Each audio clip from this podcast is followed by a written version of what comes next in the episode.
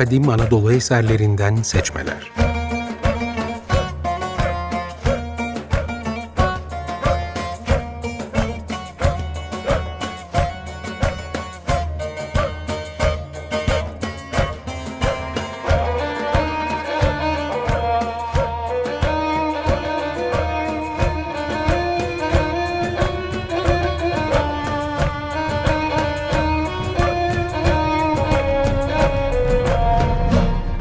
Hazırlayan ve sunanlar Gülnar Mimaroğlu ve Haluk Mimaroğlu.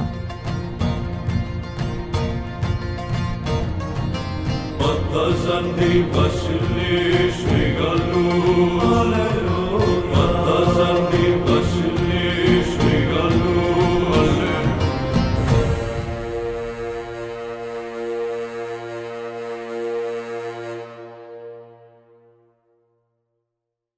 Ben Haluk Mimaroğlu, arkadaşım Levent Başaran ve kızım Gülnar Mimaroğlu ile birlikte Açık Radyo 58. yayın döneminde Kadim Anadolu eserlerinden seçmeler programının ikinci bölümünü hazırlayıp sunacağız.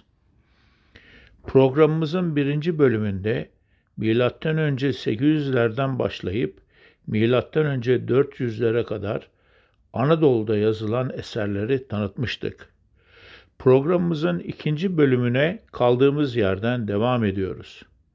Bu hafta sizlere Xenofon'un Anabasis adlı eserini tanıtacağız. Xenofon'un bizzat yaşayıp kaleme aldığı olaylar önce 400'de Anadolu'da geçmektedir. Bu eser Anadolu'nun boydan boya, aşağıdan yukarıya, yerleşim yerleri ve halklarına, akarsu ve dağlarına, örf ve adetlerine adeta tanıklık eder. Aristokona'nın eski Yunanca aslından çevirdiği bu eser, İş Bankası Kültür Yayınları tarafından Xenofon, Anabasis, On Binlerin Dönüşü adı ile 2015 yılında yayınlandı. Anabasis kitabı basit anlatımı ve sade dili nedeniyle Avrupa'da eski Yunanca derslerinin temel kitapları arasında yer alır. Anabasis, Helenlerin Perslere ve genel olarak Doğululara üstünlüğünü dile getiren eserlerin başında gelmektedir.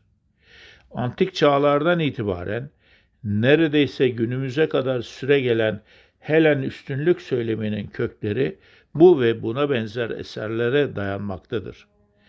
Xenofon ve çağdaşlarının eserlerinde Pers ordusuna katılan Helen paralı askerleri, çökmekte olan Pers ve Mısır uygarlıklarının vazgeçilmez üstün yetenekli askerleri olarak okuyucuya tanıtılmaktadır. Pek gerçekçi olmayan bu anlayış ancak son zamanlarda sorgulanmaya başlanmıştır. Anadolu tarihini ve dolayısıyla kısa bir zaman sonra dünya tarihini de derinden etkileyecek Anabasis'in hikayesi aslında bir Pers taht kavgası hikayesidir. Milattan önce 500'lerden beri Anadolu'da ve Trakya'da Pers hakimiyeti sürmektedir. Eski Lidya Krallığı'nın başkenti Manisa yakınlarındaki Sardis, Perslerin Anadolu'yu idare eden merkezi halindedir. Ege ve Akdeniz'de İonya, Lidya, Likya, Karya, Pisidya, Kilikya bölgelerinde, İç Anadolu'da Kapadokya, Frigya, Bitinya ve diğer bölgelerde eski krallıkların uzantısı olan Perslere bağlı satraplıklar bulunmaktadır.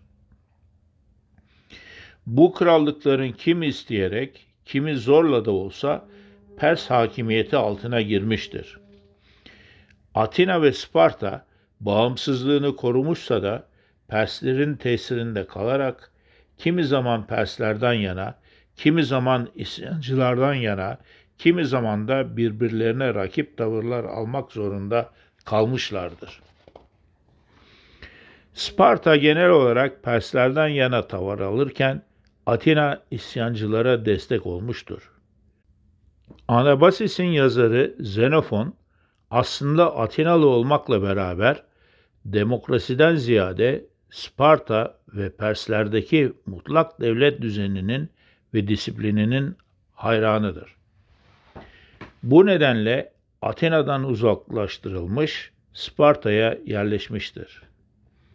Bu arada Atina ile Sparta arasındaki Peloponnesos savaşları sona ermiş, savaşın sonlarına doğru Perslerin desteğini alan Sparta, Atina'yı mağlup etmiştir. Pek çok asker açığa çıkmış ancak bölge halkı uzayan savaşlar nedeniyle perişan durumdadır. Perslerin cephesinde ise Pers kralı 2. Darius ölmüş, yerine büyük oğlu Artaks'a geçmiş, Anadolu'daki Pers ordu komutanlığı da kardeşi Genç Kuruş'a verilmişti. Ancak Genç Kuruş bunu hazmedememiş, annesi Parusyatis'in desteğiyle kardeşi Pers kralı Artaksa'nın yerine geçmek için gizliden hazırlıklara başlamıştı. Genç Kuruş emrindeki Pers ordusuna ilaveten Kral Artaksa'ya sezdirmemek için idaresi altındaki yerleşimlerden ve Sparta yanlısı bölgelerden çeşitli bahanelerle paralı askerler toplamaya başlamıştı.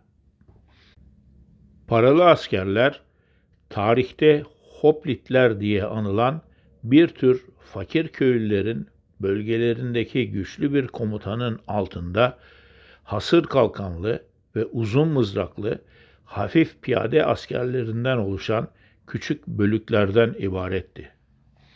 Büyük ordularda bulunan atlılar, okçular, arabalar, filler ve diğer ağır unsurlarla alakaları yoktu. Yazarımız Xenofon'da genç kuruşun ordusuna katılan yakın dostu Proxenos'un daveti üzerine belki biraz Pers hayranlığından, belki biraz da merakından orduya yazılmak üzere Efesos üzerinden Sardis'e gitmişti. Xenofon soylu bir aileye mensuptu. Peloponnesos savaşlarına süvari olarak katılmıştı. Genç kuruşun oluşturduğu Helen Paralı Askerler Birliği içinde görev alırken belki de Pers devlet geleneğinin gerektirdiği gibi seferin günlüğünü de tutmaya başlamıştı. Bu günlükte genç kuruşun kardeşi Pers kralı Artaksa'ya karşı düzenlediği sefere katılan Helen Paralı Askerler Birliği'nin komutanlarından sayılarına kadar tüm ayrıntıları yer alır. Yol boyunca gittikleri yollardan, geçtikleri nehir, geçit ve dağlara, konakladıkları şehirlerden karşılaştıkları güçlüklere kadar pek çok konuda Anadolu'ya ait bilgiler de bulunmaktadır. Kitabın birinci bölümünde şimdiki Yunanistan'da bulunan Peloponnesos'tan, Teselya'dan, Boytia'dan, Sinfalya'dan, Akayya'dan, Arkadya'dan, Megara'dan, kiminden 300-500, kiminden 1500-2000 askerle katılan komutanlar anlatılmaktadır. Gelibolu'dan, Çanakkale'den, Trakya'dan da katılanlar olmuştur. Hepsi Manisa yakınlarında Salihli Sardis'te toplanıp Pers ordusuna katıldılar. Genç Kuruş, Antalya civarındaki Pisidya satraplığındaki isyanı bastırmak bahanesiyle yaklaşık 10 bin Helen paralı asker ve kendi komutasındaki muhtemelen bunun 10 misli Pers ordusuyla yola koyuldu. Kuruş'un Helen komutanları davet edip yola çıkış hikayesinin ana hatlarını sözü Xenofon'a bırakıp Gülnar'ın sesinden dinleyelim. Pers kralı 2. Darius ile karısı Parusyatis'in iki oğlu oldu. Büyüğün adı Artaksa, küçüğün adı Kuruş'tu. Darius'un ölümünden ve Artaksa'nın tahta çıkışından sonra Kuruş abisinin tahtına göz dikti. Kuruş artık abisine bağımlı olmaktan kurtulmayı ve mümkünse yerine geçmeyi düşünmeye başladı. Kendisini abisinden daha çok seven annesi Parushatis de Kuruş'un düşüncesini destekledi. Kuruş gizli bir Helen askeri birliği kurmak istedi. Askerlerini de şöyle topladı. Şehirlerin komutanlarına bulabildikleri kadar çok sayıda Peloponnesoslu asker toplamalarını emretti. Miletos dışındaki şehirler Kuruş'un yönetimine geçmişti. Miletos'u karadan ve denizden kuşatmaya aldı. Bu kuşatma ordu toplaması için bir bahane oldu. Annesi de onu destekliyordu. Kral Artaksa kardeşi Kuruş'un aleyhinde çalıştığını anlamıyordu. Bu arada Kuruş, Abidos yani Çanakkale'nin karşısındaki Kerhonesos yani Gelibolu'dan da başka bir birlik topladı. Spartalı Klierkos ülkesinden sürgün edilmişti. Ona 10 bin altın verdi. Klierkos bu parayla bir ordu hazırladı. Hellespontos yani Çanakkale Boğazı civarındaki Helen şehirleri gönüllü olarak ordunun masraflarını karşılıyordu. Kral Artaksa bu yüzden ordunun varlığından haberdar olmadı.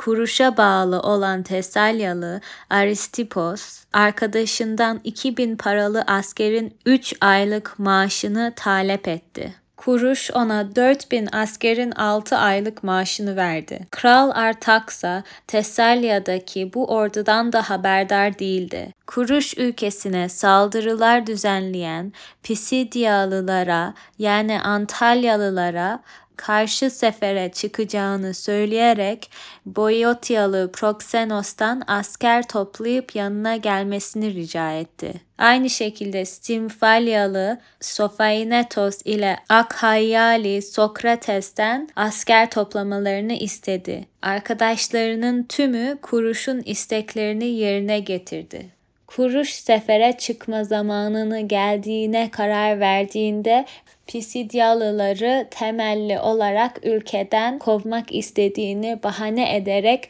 onlara savaşa hazırlanıyormuş gibi Pers ve Helen birliklerini bir araya getirdi. Aynı zamanda Klierkos'a ordusunu toplayarak yanına gelmesini ve Aristipos'a bütün askerlerini göndermesini emretti. Şehirleri savunmaktan görevli paralı askerlerin komutanı Arkadyalı Kesenias'tan askerleriyle birlikte yanına gelmesini istedi. Miletos'u kuşatanları ordusuna katılmaya çağırdı. Onlar da çağrısını memnuniyetle kabul ettiler ve silahlarını kuşanarak Sardis yani Manisa Salili'ye geldiler. Kisenyas 4000 kadar ağır piyade ile geldi. Proxenos 1500 ağır piyade ve 500 kadar hafif piyade getirdi. Stimfalyalı Sophaenetos, bin Akayyalı Sokrates 500 ağır piyade ve Megaryalı Pasyan 300 ağır piyade ile 300 hafif piyade getirdi. Bütün ordular Kuruş'un bulunduğu Sardis'te toplandı. Şimdi kısa bir müzik arası verelim ve David Shass'ın Sparta albümünden Hoplitlerin Marşı adlı parçasını dinleyelim. Açık Radyo 95.0 Kadim Anadolu eserlerinden seçmeler programındayız. Xenofon'un Anabasis adlı kitabının tanıtımı ile programımıza devam ediyoruz. Pers kralı Artaksa'nın küçük kardeşi Genç Kuruş, kendine bağlı birlikler ve Helen paralı askerleri ile birlikte sözde bir isyanı bastırmak üzere Sardis'ten yola çıkar. Ancak Kral Artaksa'nın sadık komutanlarından Lidya satrapı Tisafemes genç kuruşun gerçek niyetinden şüphelenerek durumu krala bildirir. Kral Artaksa da savaş hazırlıklarına başlar. Kuruş üç gün içinde Lidya üzerinden Büyük Menderes nehrini geçip Denizli Honoz'daki Kolosai'ye gelir. Teselya'dan Menon orduya katılır. Buradan üç günde Afyon Dinar'daki Kelaynai'ye varır.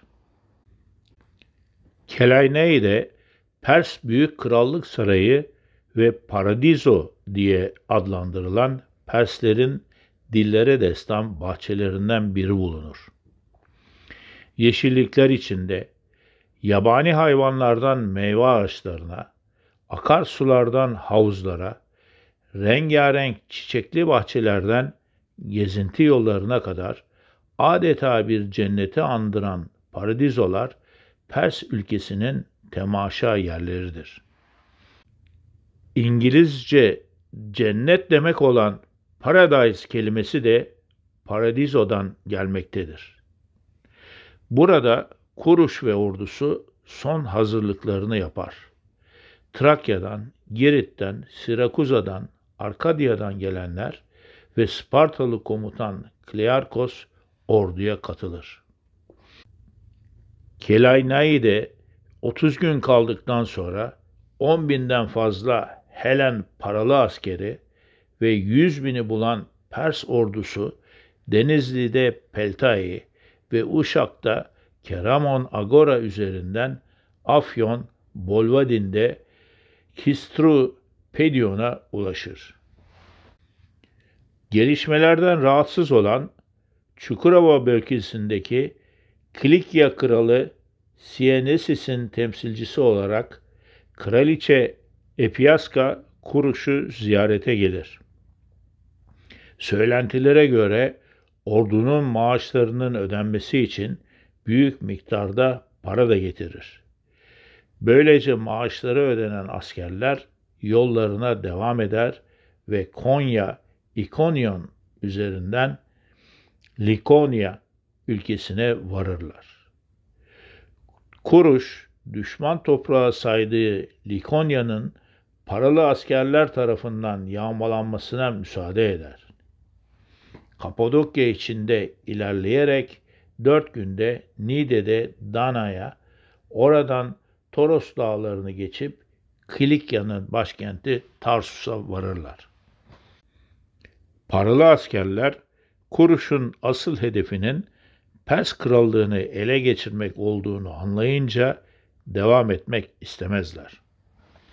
Ancak Kuruş'un tehditle karışık ikna çabaları ve maaşlarına zam sözü üzerine tekrar yola koyulurlar. Seyhan, Ceyhan nehirlerini geçip Kilikya'nın son şehri Hatay'da İsos'a ulaşırlar. Deniz yoluyla gelen birlikler ve Kral Artaksa'nın ordusunda bulunan bazı Helen paralı askerler Kuruş'un tarafına geçer. Ordu karadan ve denizden Fenike'ye doğru yol alır. Fenike'de iki Helen komutan fırsatını bulup Kuruş'u terk edip ülkelerine döner. Diğerleri Suriye işlerinde ilerler, Fırat nehrine ulaşır. Hedeflerinde artık Babil'de Büyük Kral Artaksa ile karşılaşmak vardır. Günlerce Fırat boyunca çöllerde aç bir ilaç Babil'e doğru yol alırlar. Babil'e vardıklarında Pers kralı Artaksa'nın ordusu ile karşılaşırlar. Sayıca üstün Artaksa'nın ordusu ile Kuruş'un ordusu çarpışırken Kuruş yaralanır ve ölür. Kuruş'un ordusundaki Persler teslim olurken Helenler geri çekilip kendilerini korumaya çalışır. Ancak Pers ordu komutanı Kuruş'un can düşmanı Tisafemes Hellen komutanları kandırarak hepsini öldürtür. Geriye kalan Helen birliği yazarımız Xenofon komutasında çarpışa çarpışa kuzeye doğru kaçmaya başlar. Dicle Nehri boyunca ilerleyip dağlık Anadolu topraklarına ulaşırlar. Kardukluların tuttukları geçitlerden geçebilmek için savaşırken çok zayiat verirler. Dağı geçip ovaya indiklerinde karşılarına Pers ordusundan birlikler çıkar. Armenia'ya geçmelerini engellemeye çalışırlar. Bitlis civarındaki Botan Nehri'ni düşmana rağmen zar zor geçip Armenia'ya doğru ilerlerler. Doğu Anadolu'da Dicle Nehri'nin kaynağına doğru ilerleyip Fırat'ın kolu Karasu'ya ulaşırlar. Karşılarına bu sefer Armenya ülkesinin Persli satrapı Tribazos çıkar. Kış bastırmış, kar yolları kapamıştır.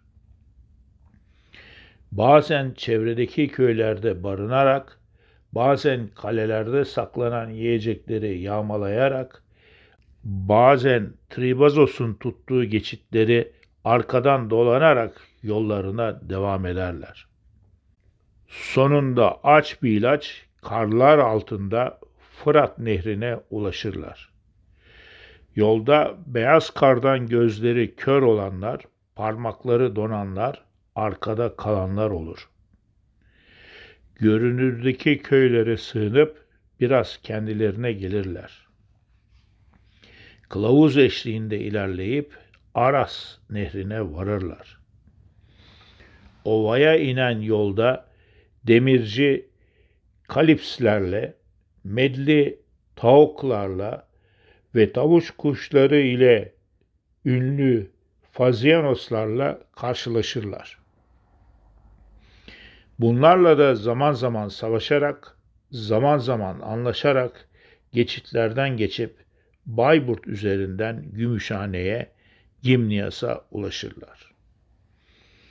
Gimniyas hükümdarı kılavuz vererek Skintiosların ülkesinden geçip Maçka yakınlarındaki Teke tepesine ulaşmalarını sağlar. Skitinioslarla çarpışarak vardıkları tepelerden Karadeniz'i görünce hedeflerine yaklaştıklarını anlayan askerler büyük bir sevinçle Talassa, Talassa, deniz, deniz diye bağırarak kutlamalara başlar. Ancak önlerinde Makron ülkesi vardır. Xenofon'un askerlerinden Makronlu eski bir kölenin aracılığı ile buradan da salimen geçip Maçka üzerinden Trabzon'a varırlar. Burada bir müddet kaldıktan sonra kimisi deniz yoluyla, kimisi kıyıdan karayolu ile ülkelerine doğru yollarına devam eder. Böylece Xenofon uzun ve maceralı bir yolculuktan sonra yurduna dönmeyi başarır.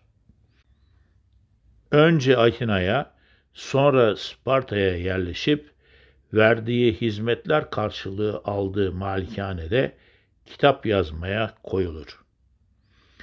Başta Anabasis olmak üzere Büyük Pers Kralı 1. Kuruş'un hayatını anlatan kitabı, Sokrates'le ilgili diyalogları içeren kitapları, ata binme, ekonomi, politika, tarih ve Sparta'nın anayasasına ait kitapları vardır.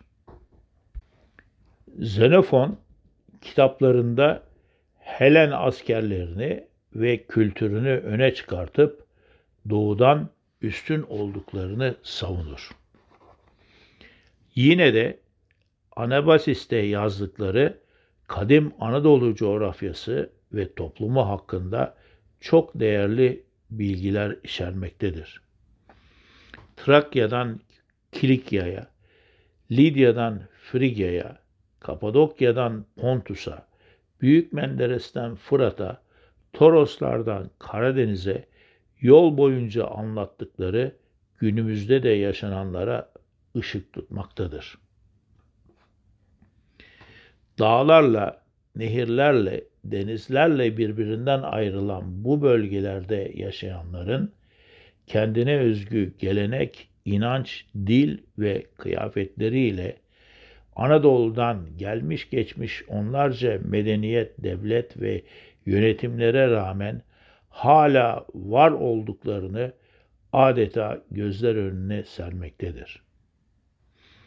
Bu toplumların Helenlerle hiçbir alakası olmadığı da apaçık ortadadır. Zaten Xenofon'da ve ondan önce ve sonra gelen yazarlar da eserlerinde Helen ülkesi ile bugünkü Yunanistan'ın, Makedonya'nın, Trakya'nın, Anadolu'nun coğrafi sınırlarla belirlenmiş bölgelerini ve halklarını ayrı ayrı adlarla tanımlamışlardır. Buna rağmen zaman içinde hepsi Helen'le özdeşleştirilip batılı yazarlar tarafından Grek, ne yazık ki bizim yazarlarımız tarafından da Yunan olarak adlandırılmaktadırlar. Xenofon'un eserleri de yayınlandığı yıllardan itibaren tartışma ve araştırma konusu olmuştur. Anabasis'i konu alan pek çok makale yayınlanmıştır. Bunlardan Jeff Robb'un 2013'te Pensilvanya Üniversitesi'nde hazırladığı doktora tezi Anabasis'in ana fikrini oluşturan ünlü Helen paralı askerler tarihsel anlayışını sorgulamaktadır.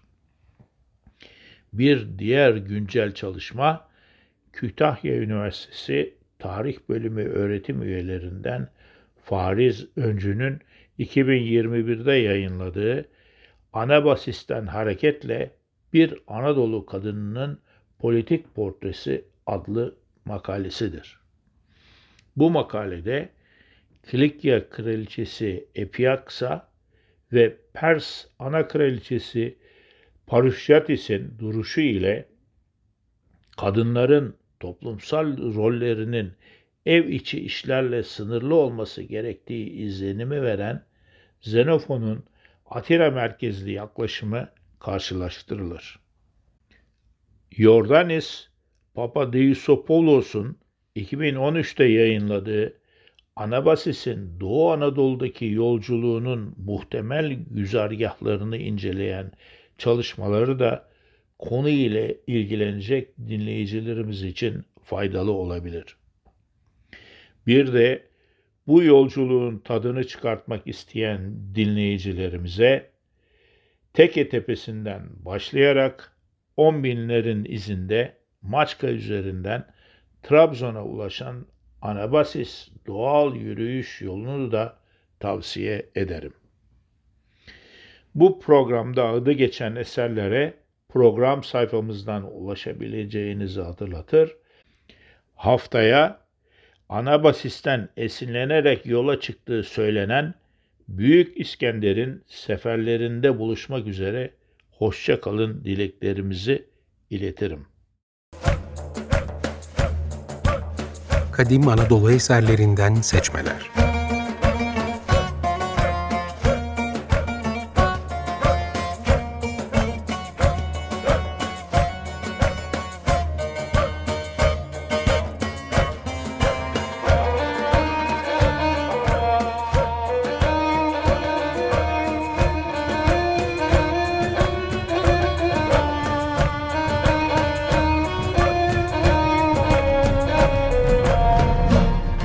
Hazırlayan ve sunanlar Gülnar Mimaroğlu ve Haluk Mimaroğlu.